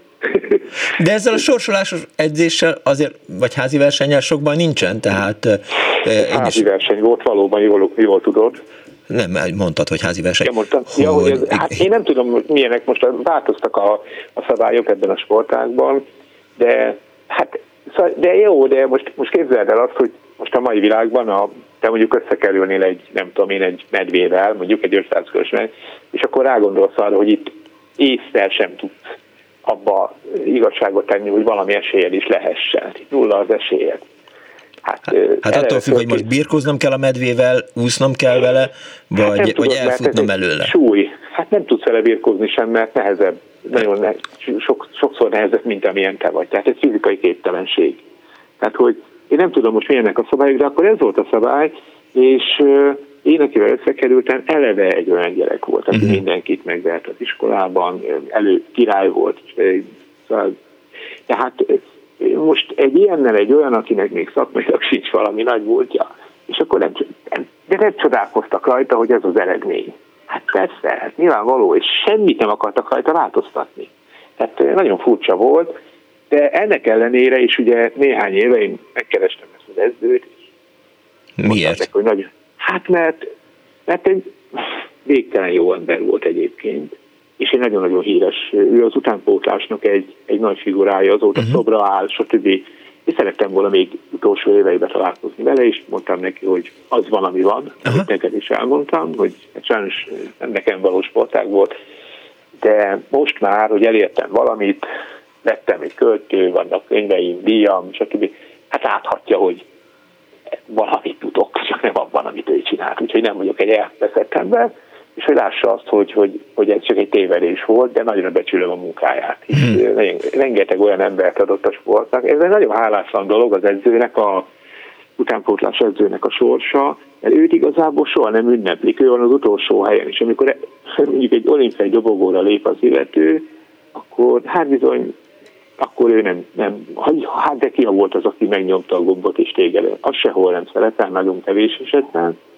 És ugye e, viszont a feleségéhez, aki egy nagyon e, híres ilyen szervező hölgy, minden évben van egy összejövetel ennek a társaságnak, ugye Európa bajnokok, országos bajnokok, olimpiai bajnokok, és nála összegyűlnek. És minden évben megköszönik neki, hogy ezt a drága embert adták, mert ugye nélküle egyikőjükben lett, lett volna semmi, hisz ő fedezte fel őket. Tehát itt ugye a porból kellett kiemelni itt ezeket az embereket, a kavicsok között ugye megtalálni azt az egyet, azt a gyémántot. Hát ez, ez, ez, volt a, ez, ez volt a feladata. És ugye ő életében ebből nagyon kevés ö, ö, hasznot húzott. Most nem anyagilag értem ezt, hanem igazából úgy, hogy, hogy oda menjenek hozzá, és azt mondják, és én ezt hiányoltam, és én azért mentem el, mm. hogy nem nekem kellett volna elvileg elmenni leginkább, én a magam nevébe mentem persze, de megköszöntem neki azt is, hogy, hogy ezeket az embereket adta az országnak, meg a nemzetnek, és elindította őket, és ez egy nagyon hálatlan feladat az edzőknek ez a leg, leghátsó sorában állva, miközben szakmailag lehet, hogy többet tud, mint aki elől áll, ugye ez az igazságtalanság azért megvan az életben. Úgyhogy hát szerettem volna valamit, és amikor láttam, hogy utcát neveztek el róla, és ott mentem, és tudtam, hogy róla van elnevezve, akkor azért egy furcsa érzés támad bennem. Sok mindent másképp csináltam volna, nem tudom mit, mint amit akkor csináltam. Tehát egy 8 éves gyerektől többet nem lehet várni, igaz is. De ez egy más aspektusa, hogy én megvilágítottam az edzőket. Ja, ja, Tehát ja. most nyilván, most, egy, most hogyha beszélsz egy olimpiai bajnokkal, annak azért volt egy pár edzője. Hát ugye nekem csak ez az egy szál egy volt, de ö, sokkal többet ö, látnak, sokkal több embert látnak, és tudnak összehasonlítani. De az embert, azt meglátják ők is, meg én is megláttam benne. Tehát nem, nem azt mondtam, hogy na jó, hogy ilyen volt. Ő szeretettel volt brutális. De ezt csak felnőtt fejjel mondom, gyerek fejjel ezt nem így értem át természetesen. És amikor elmentél és el- elmondtad neki, akkor mit szólt hozzá? Hát figyelj, csak ezen gondolkoztam az előbb, hogy, hogy, hogy akkor is a saját maga módján, tudod? Tehát látszott rajta, hogy örül, de ezt csak én láttam, mert ő ezt nem tudta kifejezni, mert nem, egy bárulatlan ember volt, ez a legfinomabb. Szóval szép kifejezés ez, hogy egy bárulatlan, ö, hát kulturálatlan, abban az értelemben, hogy nem volt egy művelt ember, de nem volt kulturálatlan, tehát egy nagyon diszkrét, rendes ember volt. Csak ő, egy, ő, ő abból a világból származott, amiből a Paplaci bácsi származott, a Puskás bácsi származott, vasas, vasmunka, kőkemény, a vagongyár ütni a vasat, ahhoz erő kell, meg fát vágni, meg stb. És ő abból származott. Tehát van a taktika, van az erő, és van egy ilyen a zord medvében egy ilyen elrejtett kedvesség, ami, ami azért néha megcsillan. Tehát, hogy, hogy ezek a régi edzők jó része ilyen volt. Tehát, hogy de ugye hát sokat panaszkodtak például, a, ha már az edzőkről szó van, a Papla, bácsira, hogy ugye ő rájött arra, hogy, hogy a keménység nélkül nincs box, nincs az állóképesség keménység, és elkezdte ugye a fát vágatni a, a, a, a Igen. Szóval, és akkor ebből lett a Vitrai Tamásnak annak idején volt egy műsor, a- az annó régi televízióban, ugye, hogy hát bizony azok felháborodtak, hogy hát ők, hát ők, hát ők, hát ők boxol. Jó, csak nem látták be, hogy, hogy bizony ez kell. Azért volt ez a módszere, mert ő ebbe szocializálódott. Tehát, hogy az a szociokulturális háttere, ami neki volt abból a világból, amiből érkezett, ott az a vas a vason csapódott, ott ez volt, ez volt a törvény. Tehát, hogy de ezt nem mindenki érti meg, és nem mindenki fogja föl, hogy ez bizony ezért van így. Nem azért, mert ő rossz, hát szó sincs róla. De ez kellett az, hogy én nyitott legyek, utólag. Uh-huh. Meg az, hogy mások ezzel nem is foglalkoznak, nem is törődnek. Tehát, hogy, Ja. úgyhogy Köszönöm szépen, hogy hívtál. köszönöm szépen, szia! Viszont hallásra, szervusz! 24 06 95 3, 24 07 95 3, SMS, SMS-ben 06 30 30 30 95 3, azt írja eh, Szabó Judita az Annu Budapest Facebook oldalán. Török doktor sok örömet okozott többet magával nekünk, fiatal testnevelőknek az eredményeivel. Amit ma hallottam, mutatja, hogy most is jó fej. Igen, én is ezt gondolom. Egy betelefonáló van a vonal túlsó. Jó napot kívánok! Haló! Tiszteltem. László Budapestről. Üdv László! Egy legendát említenék meg, akinek az emlékét őrzi egy ö, emlékérem is az MKS-nél. Nekem az első edzőm volt bizonyos Jenevári István bácsi. Kézlabdáról beszélünk. Nekem az öreg is ö, testnevelő tanár volt az általános iskolában, itt Budapesten anyja földön 13. kerület. Uh-huh. Annó ő még a Vasasnál is volt edző, ifi edző, serdüledző, akkor még a Vasasnak volt ö, férfi kézzel szak, szakosztálya is. A sajnos 80 megszűnt. Minket, akik kiszúrt négy-öt gyereket, minket már 81-ben tromosra vitt le az öreg, amit nagyon nem bánunk, hiszen az elektromos volt a Magyarországi kézlabdának a bölcsője, ugye a Cséfei Sándor bácsi hozta be 27-be a kézlabdát Magyarországra. Na most az öreg az akkora király volt, hogy ilyen, ilyen csávakat edzett, hogy Kenyeres Józsi, Vaskarcsi, Őri Peti. És az öreg volt a leg, legnagyobb király. És, de, de, de tényleg, ö, nekem is testnevelő tanárom volt a suliba, és én eléggé rezintens gyerek voltam. Minden tanár, tanárnak beugattam, en- engem ki akartak rugni, mikor hatodikos voltam. És a Pista már szólt rá, hogy figyelj kicsi, már nekem, nekem mondta, hogy kicsi, figyelj kicsi, kicsit vegyél vissza, mert engem éget, és csak az öreg miatt visszavettem az arcból, mert a kémia tanárt rüheltem, meg a fizikatánát is rüheltem. De azt mondja, figyelj kicsi, engem éget. ő védte meg a, hagyd ne mondjam mit, engem ki akartak rúgni. És abból a csapatból, akit az kisöreg fölnevelt, uh-huh. szegény meghalt 95-ben, Farkasi réten nyugszik, abból a csapatból lett hat nba játékos, és a nyolc ifjúátot, akit az öreg fölnevelt.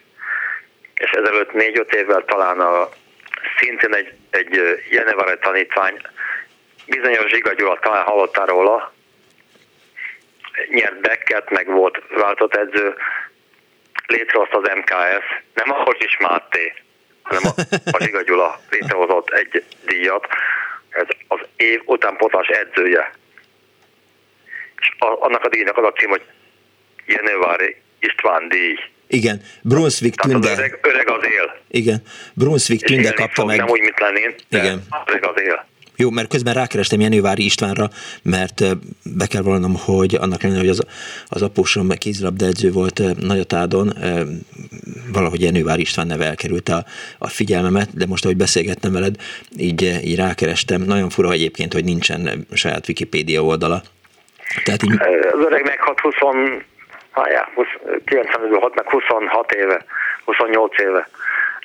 A fia meg nem, fog, nem foglalkozik ezzel. A fiával mindig, mindig, mindig szoktam beszélni a fiával, évente júniusban halt meg az öreg, 95 júniusban halt meg az öreg. Uh-huh. Mindig fej van, és mindig kimegyünk a sírjához, farkaséti temető. De akkor még nem volt internet, tudod? Ja. Hát, de az öreg az az öreg. És ő, ő nem, volt, nem volt korbács, nem volt semmi, pedagógia volt, mert vannak a tanárok, vannak az edzők, vannak az, az úszóedzők, akik gyepelk a gyereket, és van, van az öreg, aki úgy szól hozzá, hogy figyelj kicsi, így meg így kéne. Tehát van a tanár, meg van a pedagógus, ami között fényevi különbség van, ugye? Tudjuk. Ha úgy szólnak hozzá, te is úgy, úgy reagálsz. Ha nem úgy szólnak hozzád, akkor meg nem úgy reagálsz. Milyenek voltak az edzések, amiket ő tartott, Jenővári István? Pista bács, Isten király volt. Annak idején még nem volt egy ekkora teljes, teljesítménykényszer. Uh-huh. Meg, meg, hogy szép magyarsággal meg akarta szeretetni a, a labdát a gyerekekkel. Aki a, a, a, látta, hogy Tónaran adta a labdát a gyerekeknek, aki harapta, azt mondták, hogy akkor mondta, hogy te ne gyere, te, te, te, te, te, te gyere vissza délután négyre, Aha mert látta, hogy nem kell a nyelvet a labdán, hanem meg tudod fogni a labdát, érted, mit igen, mondok? Igen, igen, igen. Aha. Pedagógus volt. Amikor háromszor elrontottad, nem letolt, hanem azt mondta, hogy figyelj kicsi, ne így csináld, úgy csináld. És mikor úgy csinálta, rá két évre is lett. Pedagógia, ezt úgy mondják, pedagógus, ugye görögül. Ne, ne, nem lett volna a gyereket, hanem biztatni, ugye? De sosem volt durva? Nem, nem. Isten király volt. Amikor a, egy meccsen elő, én kapus voltam, előtték a kezemet egyszer, de figyelj, kapus voltam, tehát eleve nem normális. Jött egy labda, elvitte a kezemet, és oda, oda a kapufához. Uh-huh. A, a, gyűrűs ujjam és a középső. Tehát nem tudtam lemenni edzés egy 6 hétig. Az öreg eljött hozzánk, és azt mondja, kicsi, köszönöm szépen, amit a csapatért tettél, mert nyertünk. Jó, aki kapus, az, teljesen hülye, tudjuk. Azért abban kapu, mert, mert lusta futni, tudjuk. Ezt nem tudtam. Igen. Ez a jött, és meglátogatott engem. Kijött, és figyelj, azt mondják, hogy második apám volt, akkor második apám volt. Uh-huh. Ő volt az ember. Akkor ezek szerint edzésen kívül is kapcsolatban voltatok? Persze, hát mondom, a, az általános iskolában ő volt a tanárom, plusz még edzőm is volt. Uh-huh. Tehát szerinted nem, nem volt internet, meg mobiltelefon, meg izé, naponta láttam az öreget, az meg hat, bocs, 6-7 órán át. Tehát többet voltam velük, mint a szüleimmel. Kérdés? Aha, nincs. nincs. Jó, és élsportoló lett belőled? Mondjad? Lett belőled élsportoló? junior voltam kézlabdázóként, csak Aha. aztán utána jött négy év alatt négy műtét, és akkor azt mondtam, hogy köszi. De akkor ezek szerint a kézilabda is életveszélyes sport? Minden. Ami sport, az minden életveszélyes. Ezelőtt hárommal volt egy hölgy, aki azt mondta, hogy ö, de úgy reagáltál, hogy ez nem így van, de ez így van. Addig egészséges a sport, amíg lemész egy héten háromszor úszni másfél órát a helyi úszodába, és megvagy. De amikor az edző azt mondja, hogy na öcsém, még, még, még négy hoz, az már kínzás. Én, én úgy mondom, hogy volt négy műtétem. Ja. Tehát, De akkor ez neked is kínzás volt? Igen. Te mondtad, te szentesi vagy, és el kellett futni a hídig, a vissza. Emlékszem erre az interjúra, igen, igen, te mondtad egyszer. Igen. Fussal a hídig, csongádig, a vissza. Mi fussak el? Hát nem kergetnek, hát nem kell futni. Hát Hát mert attól leszel edzett, az jót fog tenni az állóképességednek, a lábadnak. Ha magadnak csinálod, akkor magadnak csinálod. De azt mondja a mester, hogy akkor, akkor még négy hoz, akkor nem vagy vidám. Tudjuk. Az biztos.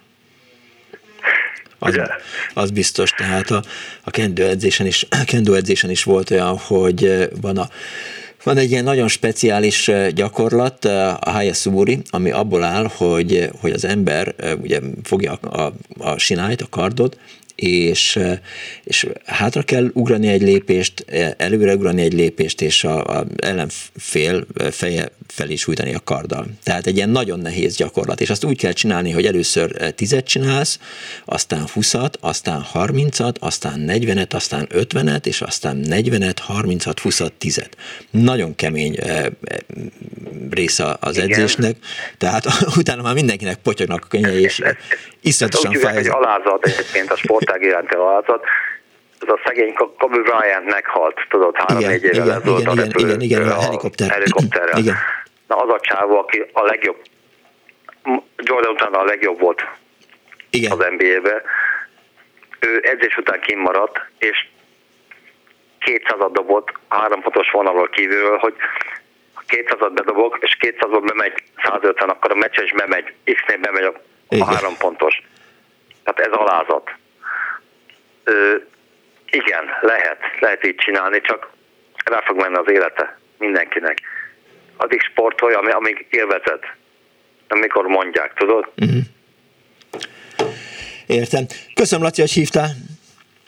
Én köszönöm, hogy megtisztelt, hogy visszahívtál. Viszont. Szia. Szia. 24 06 95 3, a 24 07 95 3, SMS-ben 06 30 30 30 95 3. Önök is hívhatnak, ha éppen nem a jó időben vannak a, a szabad levegőn, és eh, ha el, el, el, elmesélhetik azt, hogy, hogy, hogy és miképp nem lett önökből élsportoló egy edző miatt, vagy hogyan lett önökből élsportoló egy edző miatt, vagy mit adott önnek, önöknek egy edző a munkája során. Én nagyon sok eh, cikket olvastam arról, hogy hogy milyen készségekkel, képességekkel kell rendelkezni egy edzőnek, és, és ezt a szerkesztő Márva Brigitta szedte össze nekem, tehát ugye milyen az edző és a sportoló kapcsolata, hogyan lehet példakép egy edző, hogyan lehet mennyi kreativitásra, mennyi alázatra van szüksége egy edzőnek az edzői munkához, aztán kiből lehet jó edző, és kiből nem lehet, mennyire fontos a sikerorientáltság, általában rendezett, előre tervező emberekből lesznek használható edzők, extrovertáltak, fejlett lelkiismerettel rendelkeznek, érzelmüket stressz helyzetben is tudják szabályozni, jó vezetői tulajdonsággal rendelkeznek, szóval millió e, ismérme van a jó edzőségnek, e, meg ebből fakadóan nyilván a rossz edzőségnek is. Erről gondoltam, hogy ha hogy beszéljünk itt a mai műsorban. De amíg az következő telefonáló előkerül, addig egy könnyű zenei felvétellel kedveskedek önöknek.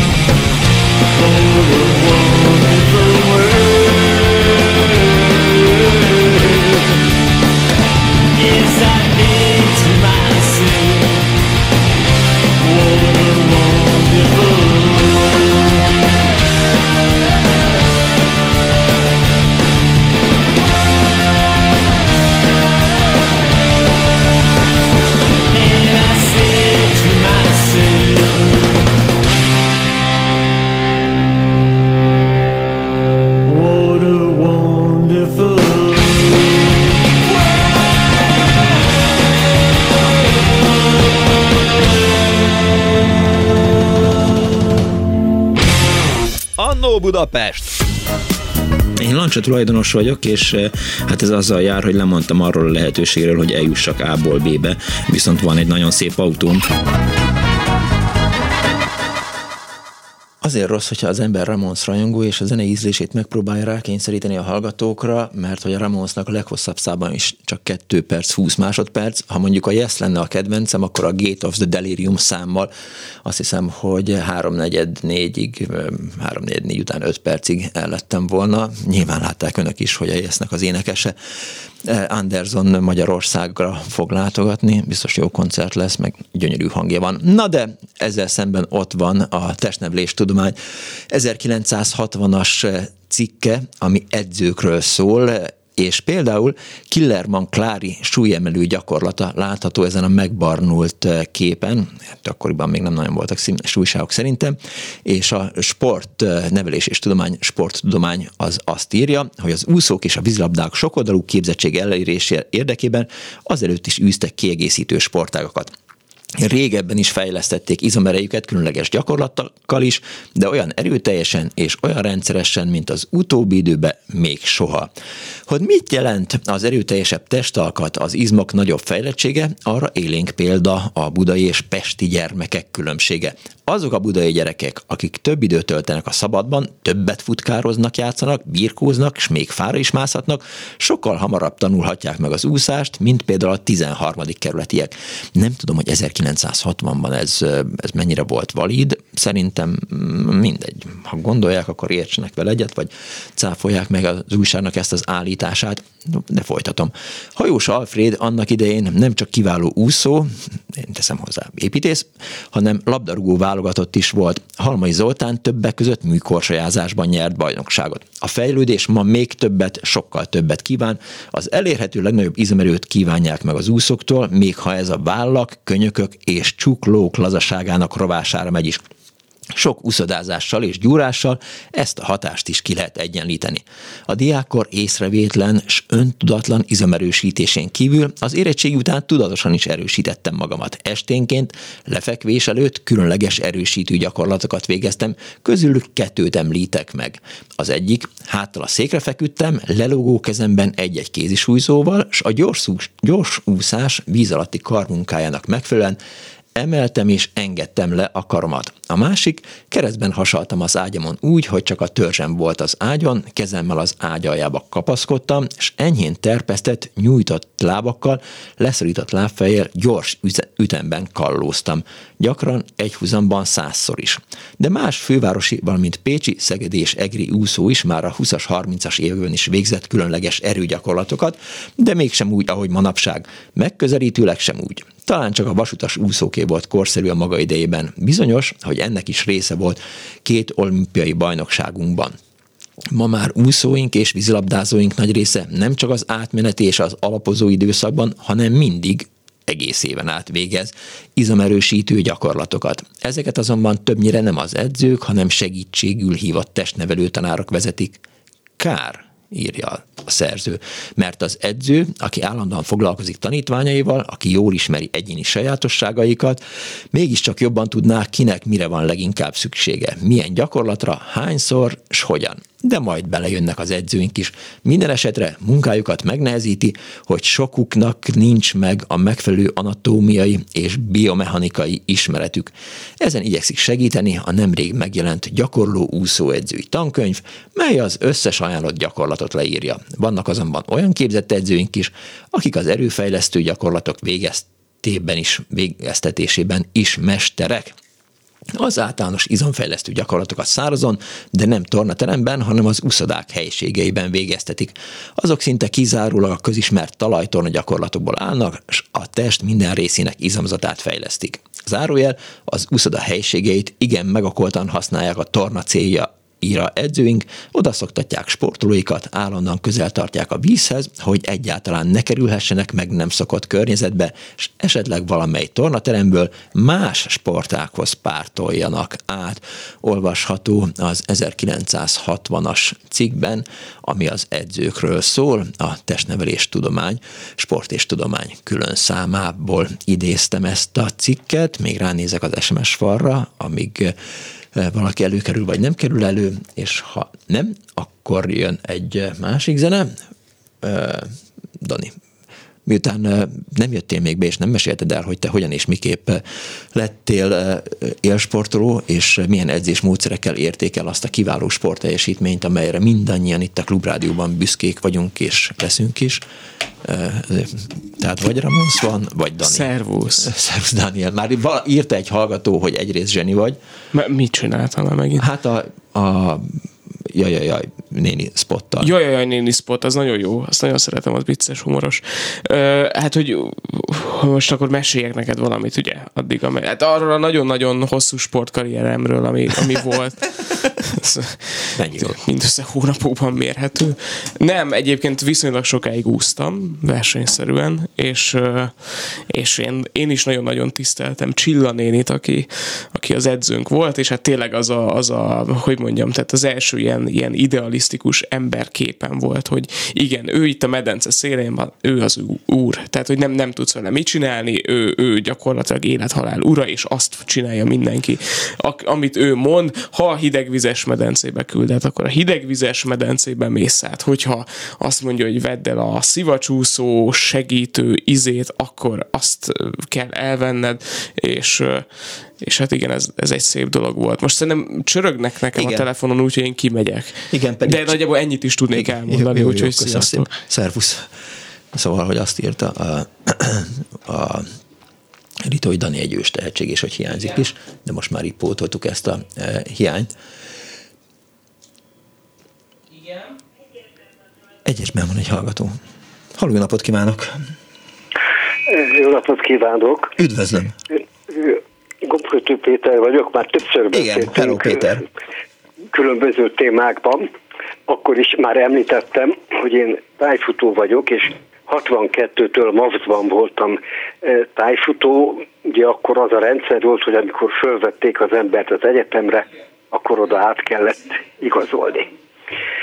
Na most úgy futogattunk, csináltuk az edzéseket, de nem voltak igazán komoly eredmények. Uh-huh és egyszer a MAFC elnökségben valakinek eszébe juthatott, és ez szerintem ez egy nagyon jó ötlet volt, hogy elküld hozzánk egy atléta no. edzőt, uh-huh. mert feltételezték, és ebben igazuk volt, hogy az atlétikai képességeinkkel vannak inkább, tehát a futással vannak problémáink, nem a, a tájékozódással. Ezt az edzőt Kalmár Lászlónak hívták, egyébként testnevelő volt a a Műszaki Egyetemen, és korábbi versenyző középtávfutó. Uh-huh. Amikor ő felkeresett minket, és ez itt a, a dolog lényege, akkor odajött és azt mondta, hogy gyerekek, én nem tudlak titeket megtanítani, tájékozódni, ez nem az én terület. Ter, na, nem az én területem. De tudom, hogy milyen képességekre, mire van szükség ahhoz, hogy a versenyen jobban szerepeljetek fizikailag, ne mhm. legyen gond fölfutni egy hegyre, a, ha valahol be lehet gyorsítani, és, és nagyobb tempót lehet diktálni, akkor, akkor az legyen. És azt mondta, hogy na most elkezdjük a jövő héttől ezt a munkát, aki akar, az jön és csinálja. De ha elkezdte, akkor legalább egy évet csináljon végig, uh-huh. ha nem akar, valaki jönni, akkor senki nem lesz kényszerítve. Hát elég sokan elvállaltuk ezt az edzésmunkát, ugye akkor a, tehát itt a lényeg egyszer már az volt, hogy nem erőszak, nem parancs, meggyőzés. És akkor akik vállaltuk ezt, azokkal leült és elmesélte, hogy gyerekek, itt most egy héten háromszor lesz olyan futóedzés, hogy a Gellérshegyre fogtok fölfutni a szerpentineken. Először egy 45 perces távot, aztán egy 60 perces, 60 másodperces távot, uh-huh. egy 75 és a végén egy 90 másodperces távot. Persze ezt majd a, a alapozás időszak végére éritek el. Ezen kívül lesz heti két hosszú távfutó edzés, ami a, a állóképességet növeli, az kezdünk 12 kilométerre, és föl fogunk menni a 30-ra. Alap, megint ja. csak az alapozási időszak uh-huh. végéig. Elvállaltuk, és azok, akik elkezdték, azok, azokból egy évet gyakorlatilag majdnem mindenki végigcsinált. Meg is jöttek az eredmények, mert mindenki egy, egy klasszissal jobban tudott futni. És nem volt semmi erőszak. Az elején még ő ott állt kinn a, a szerpentőnek alján, stopperral, és azt mondta, hogy gyerekek, 45 perc alatt, 45 másodperc alatt föl kell futni oda. Igen. 60 másodperc alatt visszabecsökhettek ide, és uh-huh. akkor jön a következő. És akkor ugyanígy a hosszabb távoknál megint hosszabb ö, ö, visszalöcsögési időkkel, persze ez a visszalöcsögés másnak elég kemény futás lett volna. Én ezt végigcsináltam két évig, tehát nem csak az elsőben, voltak akik az első után azért leszakadtak, uh-huh. és ezzel elértem azt, hogy első osztályú sportoló lettem, bekerültem a, a legjobb tíz férfi tájfutó közé. Gratulálok. És amit csak ki szeretnék emelni, hogy az erőszak itt nem vezetett volna semmire. Mert le lehetett volna ezt löcsögni úgy, hogy a, a 90 másodpercet nem futjuk végig, hanem megállunk a 60 másodperces szakasz végénél, akkor várunk egy kicsit, és akkor onnan szép lassan visszalöcsögünk. De meg tudott minket győzni, hogy ez eredményes lesz, meg is lettek az eredmények.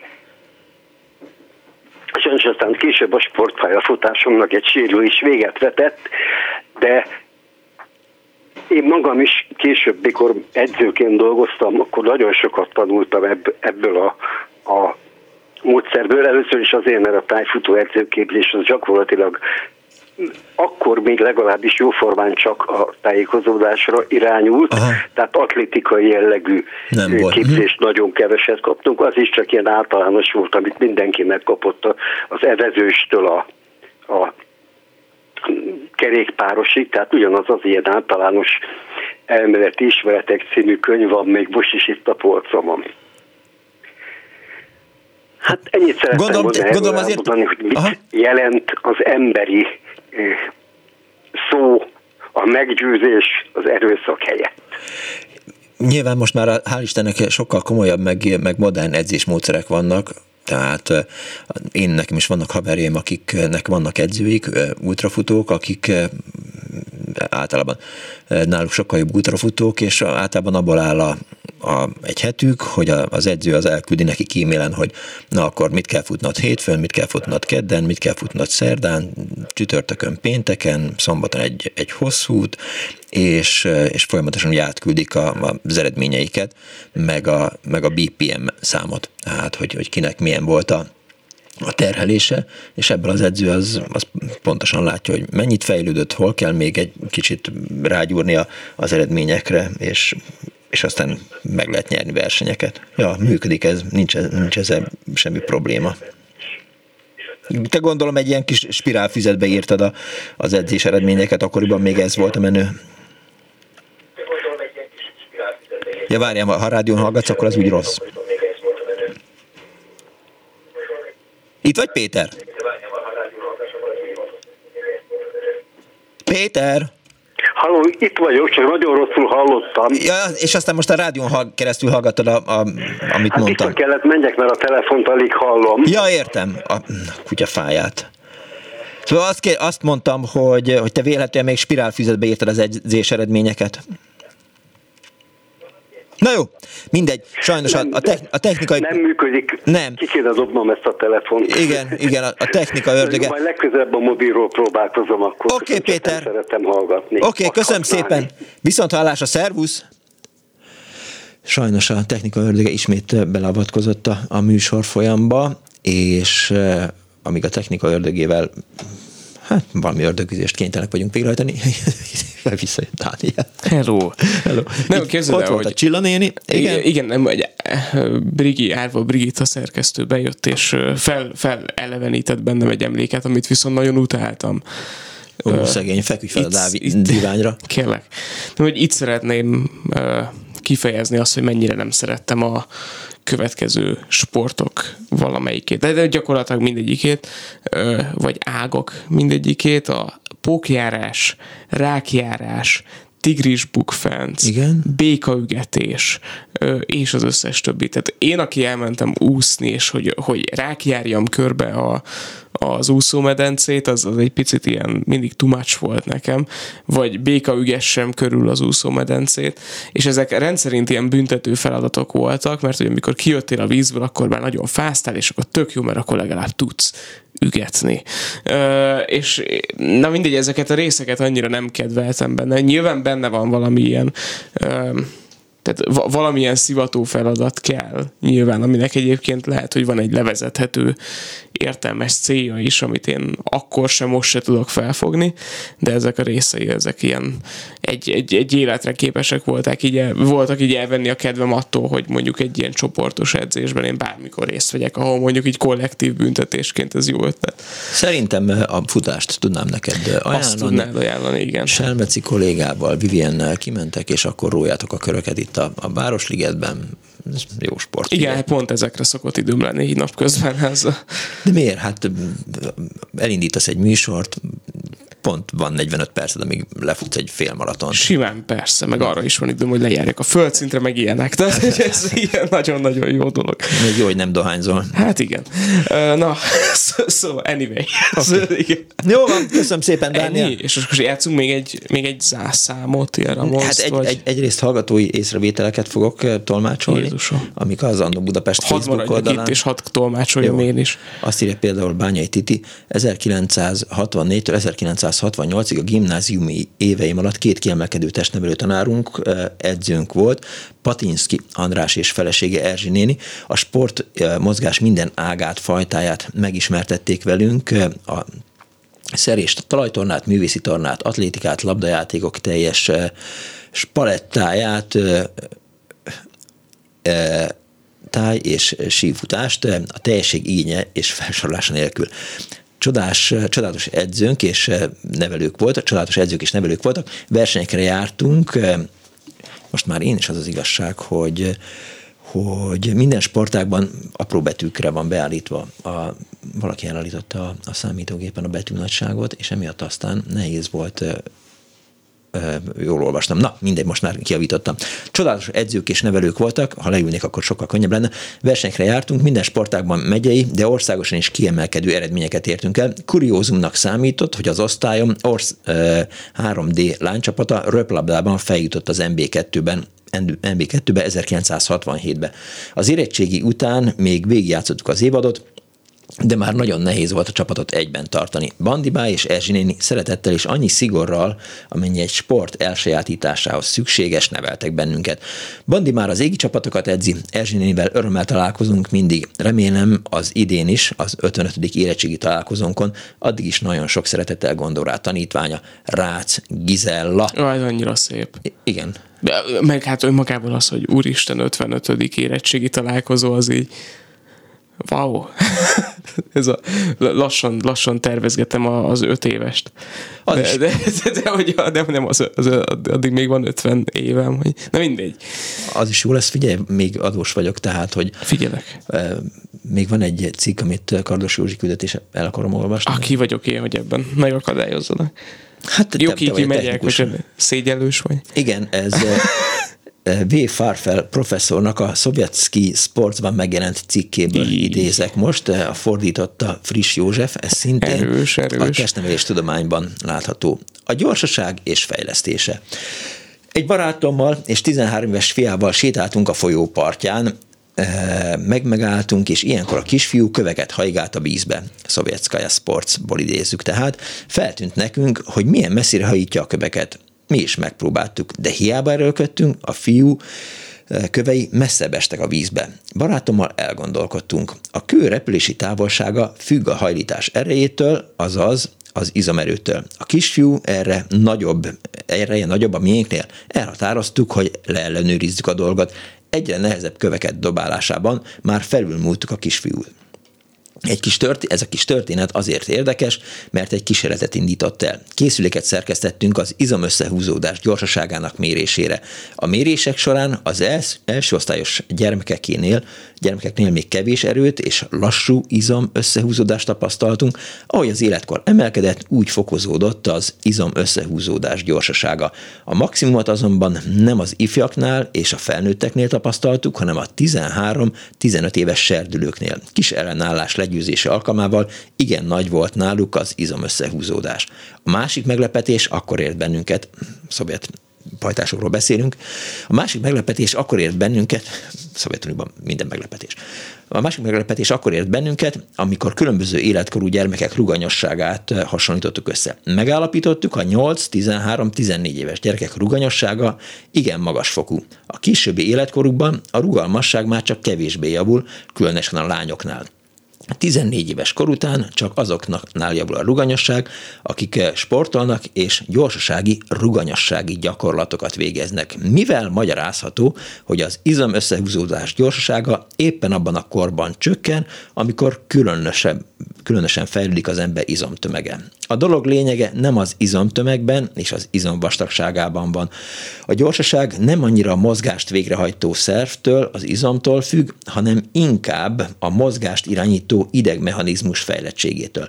Megállapítottuk, hogy a kisgyermekeknél igen nagy a mozgásreakció ideje, a nagyobbaknál pedig csökken. Zárójel, a mozgásreakció gyorsaságát a fény vagy hangjelzés és a válaszmozg, válaszmozgás, eh, mi van? Válasz, válaszmozgás kezdetek közötti időrészecske mutatja zárója bezárva.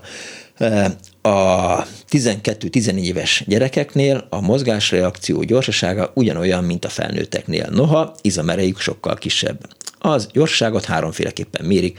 Az egyes mozgások gyorsaságát kis ellenállással, kettő a ritmikus mozgások gyorsaságát kis e, kilengések mellett, három a mozgásreakciók idejét mindezek jellem, jellemzői, az izommozgások gyorsaságát, izommozgás jellem, igen, várjál, gyere, most elvesztettem ezt az írást, szovjet pajtások valahogy furán meg, mozgásreakció, Na jó, mindegy. A gyorsaság természetesen továbbfejleszthető eh, gyakorlatozás, edzés által érthető, hogy ez a készség a sportolóknál fejlettebb, mint a nem sportolóknál. Felmerül a kérdés, milyen gyakorlatok alkalmasak a gyorsaság fejlesztésére. A gyorsaságot olyan gyakorlatok fejlesztik, amelyek izmaink kismérvű megfeszítésével, de nagy gyorsasággal hajtunk végre. Fejlesztik például a ciklikus gyakorlatok, azaz ugyanazon gyakorlat vagy mozgás állandó ismétlése. Fejleszti a vágtázás, a gyors korcsolyázás, a kerékpározásban rövid távon a lehető leggyorsabb hajtás, stb. Az ilyen gyakorlatok jellemzője a maximális mozgás gyorsaság.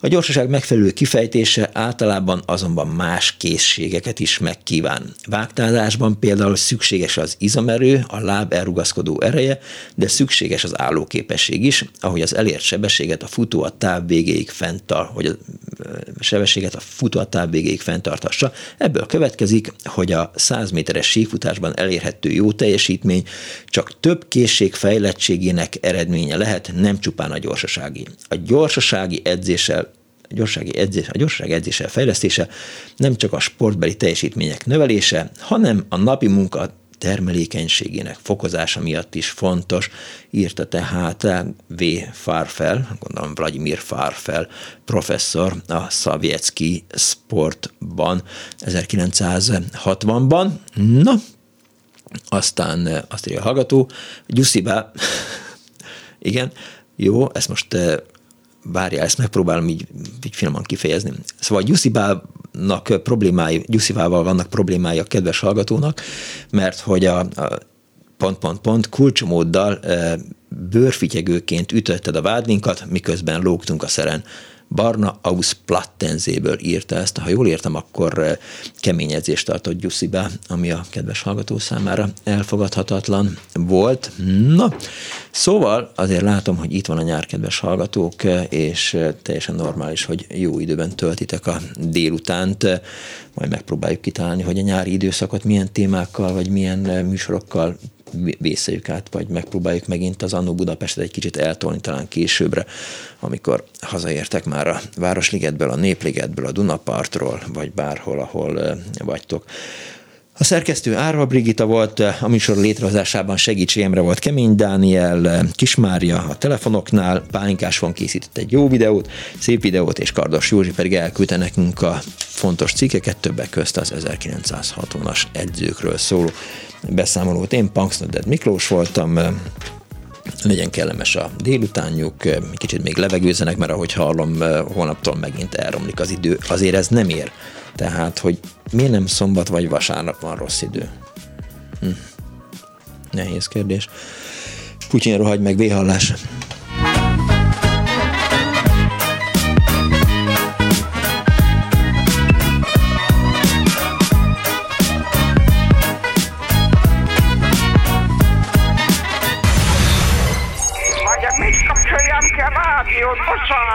Igen, igen, igen. Elnézést. Jó napot kívánok!